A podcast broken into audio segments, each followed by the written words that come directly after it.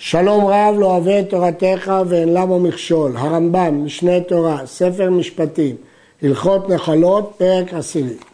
שני אחים שחלקו, ובא להם אח ממדינת הים, וכן שלושה אחים שחלקו. ובא בעל חוב ונטל חלקו של אחד מהם. אפילו נטל זה קרקע וזה כספים, בטלה מחלוקת וחוזרים וחולקים השאר בשווה.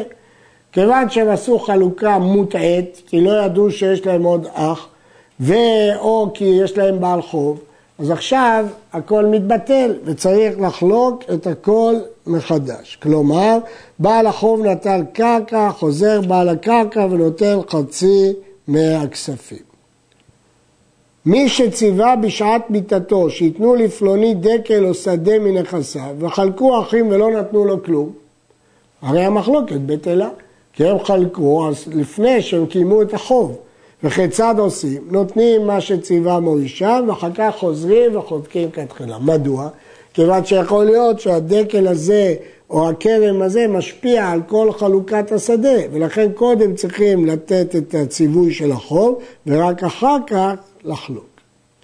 האחים שחלקו שמין מה שעליהם גם הבגדים שעליהם נחשבים כשומה של חלק מהירושה. אבל מה שעל בניהם ובנותיהם שקנו להם מתפוסת הבית אין שמן.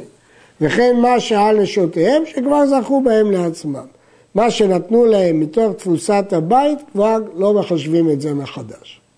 במה דברים אמורים? בבגדי חול, אבל בבגדי שבת ומועד שמין מה שעליהם. זה ירושלמי הריף הזכיר אותו, שאת בגדי שבת שמין.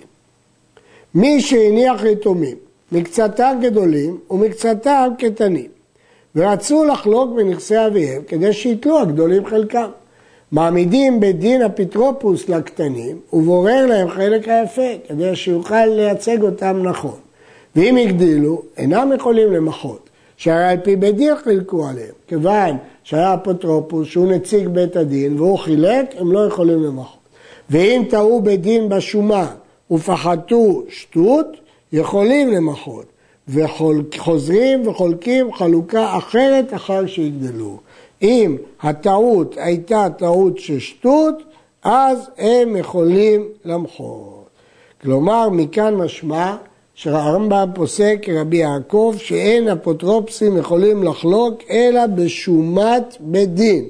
ולכן בפחות משטות דבריו קיימים, כי בשום הדיינים פחות משטות דבריו הקיימים. אבל אם זה יותר משטות, הם יכולים למחות. וחוזרים וחולקים חלוקה אחרת אחר שהגדילו, כי חלוקה קודמת הייתה מוטעית. מי שמת והניח יורשים גדולים וקטנים, צריך למנות אפוטרופוס שיהיה מתעסק בחלק הקטן עד שיגדיל. ואם לא מינה, אם האבא לא מינה אפוטרופוס, חייבים בית דין להעמיד להם אפוטרופוס, עד שיגדילו, שבית דין הוא אביהם של היתומים. קודם דיברנו כאשר רוצים לחלוק, אבל פה לא רוצים לחלוק, אלא עדיין מטפלים בנכסים, אז מישהו צריך לדאוג לנכסי הקטנים. מי ידאג לנכסי הקטנים? אם אבי היתומים עשה, בסדר גמור, אבל אם לא, בדין חייבים למנות. הרב אומר, והוא שחלק להם בחייו, ואם לא, יניח הכל ביד הגדולים, ואם ישביחו, ישביח באמצע, וטוב להם. עדיף שהגדולים יטפלו בנכסים כי הם דואגים לעצמם, ואז הם ידאגו גם לנכסי הקטנים. בכך השכר לאמצע, אבל על ידי זה הקטנים ירוויחו, וזה עדיף מאשר להעמיד אפוטרופוס.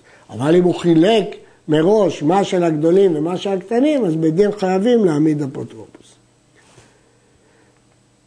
ציווה המוריש ואמר, יינתן חלק הקטן לקטן, ומה שירצה יעשה בו. המוריש אמר שהוא סומך על הקטן, שלא צריך אפוטרופוס, שייתנו לו והוא יטפל. הרשות בידו, יכול. וכן אם מינה המוריש אפוטרופוס על הקטנים, קטן או אישה או עבד, שבדרך כלל לא ממנים אפוטרופוס, הרשות בידו. הביטוי אין אחר מעשיו כלום. הוא האבא, הוא יכול למנות את מי שהוא רוצה. אבל אין בדין ממנים אפוטרופוס, לא אישה ולא עבד, ולא קטן ולא עם הארץ שהוא בחזקת חשוד על עבירות, אלא בודקים על אדם נאמן ואיש חיל ויודע להפך בזכות היתומים וטוען טענותם ויש לו כוח בעסקי העולם כדי לשמור נכסיהם ולהרוויח שבחן. לא מספיק שהוא יהיה נאמן, צריך שגם איש חיל שידע להרוויח, לא בטלן שיפסיד את הנכסים. ומעמידים אותו על הקטנים בין שיהיה רחוק בין שיהיה קרוב לקטן. אלא שאם היה קרוב לא ירד לקרקעות, כבר למדנו שלא מורידים קרוב לנכסי קטן, שהוא לא יגיד ירשתי אותם. בדין שהעמידו אפוטרופוס ושמעו עליו שהוא אוכל ושותה ומוציא הוצאות יותר מדבר שהוא עמוד בו, יותר ממה שראוי.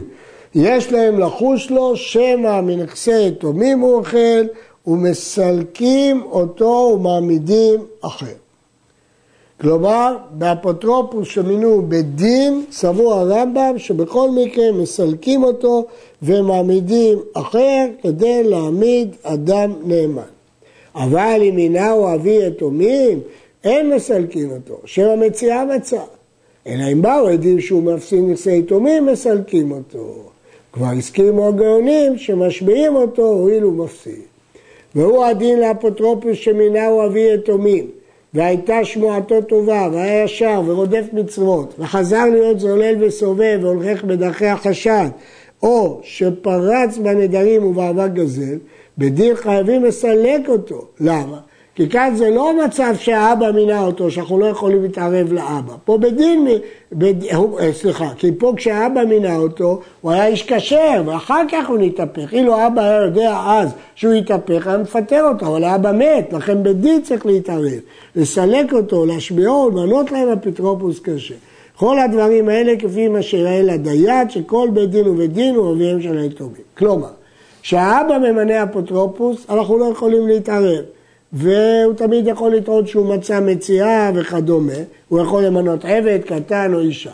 אבל כשבית דין ממנה, הוא ממנה רק איש ראוי, ואם הוא הפסיק להיות ראוי, מפטרים אותו.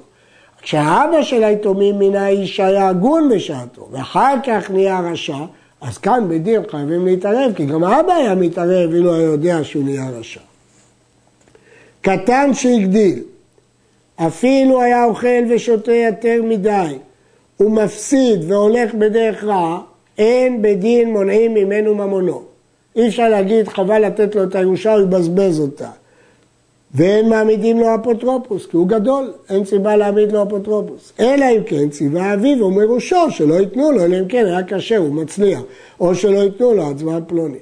ברגע שהוא גדול, אנחנו לא יכולים להתערב, גם אם הוא מפסיד את כל כספו.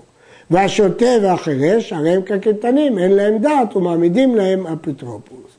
כלומר, כשאדם גדול מאבד את רכושו, אנחנו לא יכולים להתערב. אבל קטן, בדין צריך לדאוג לו. עד כאן.